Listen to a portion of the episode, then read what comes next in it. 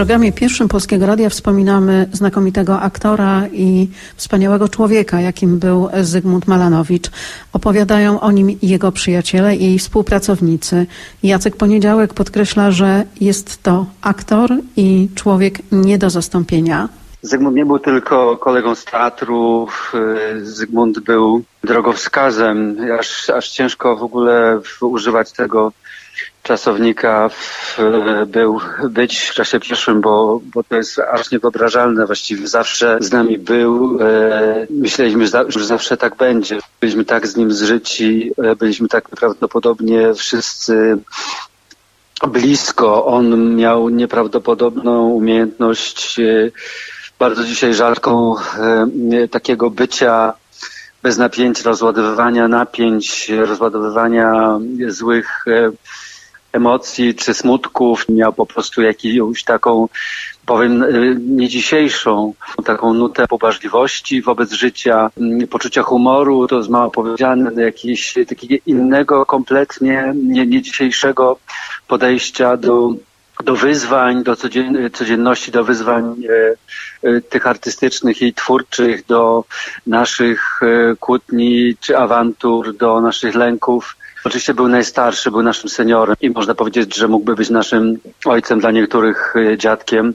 Natomiast on był po prostu bratem. Nawet nie kolegą, nie przyjacielem, tylko bratem, czyli kimś takim, kto bardzo dobrze widział i rozumiał w tej jego dobrotliwej e, twarzy, w której też oczywiście zawsze widać było też odrobinkę diabolizmu, diaboliczności, to znaczy pewnego rodzaju e, właśnie w tym dystansie do przede wszystkim do jakichś naszych mm, czy euforii, czy E, czy, czy, czy on miał właśnie taki w tym, w tym, w tym dobrotliwym uśmiechu też pewnego rodzaju taką ironię. Nie gonił nigdzie, tak jak większość z nas. Nie, nie brał udziału w tym wyścigu szczurów, wyścigu karier, wyścigu coraz bardziej atrakcyjnych e, e, przedstawień czy rozwiązań scenicznych i, filmowych, tylko sobie trwał, był, był po prostu, miał wielką umiejętność korzystania z życia w takim slow, motion, w takim po prostu przepięknym, powolnym tempie.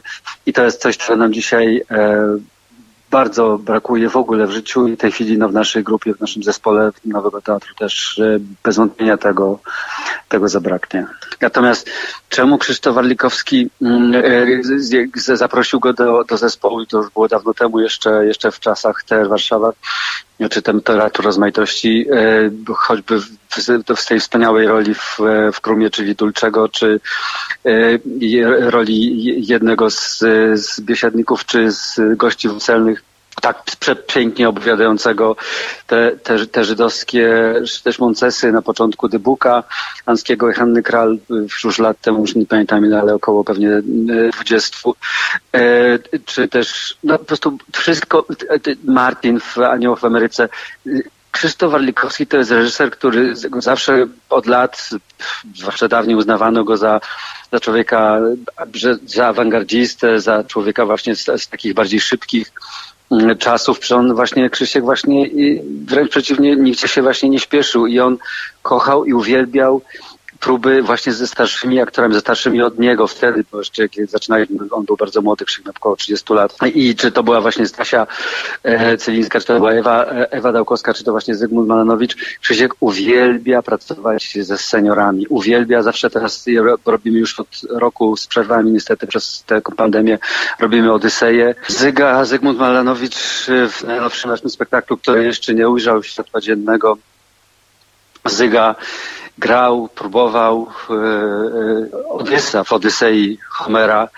E, i ta jego Itaka, którym miał właśnie zakończyć, tak jak też Odys tę swoją wielką podróż, Ulises, swoją podróż po morzach i przez lata swojego życia, tak Zygmunt miał zakończyć swoją karierę aktorską właśnie grając główną rolę w Odysei Homera i Hanny Kral w reżyserii Krzysztofa Warlikowskiego u nas w Nowym Teatrze. Premiera miała być już kilka razy, niestety została przekładana i Zygmunt nie zdążył, nie dopłynął niestety. Zyga nasz odys nie dopłynął do swojej Itaki, ale będziemy dalej go nieść w naszych sercach i będzie na pewno w tym spektaklu obecny i zapomnimy o nim nigdy i na pewno ten spektakl będzie z wielkim sercem jemu zadedykowany, ponieważ jest tego wart i nigdy go nie zapomnimy. Wspominając e, dziś Zygmunta Malanowicza, mówimy dużo o jego obecności w w teatrze, ale przecież wielu widzów zna go przede wszystkim z dużego ekranu.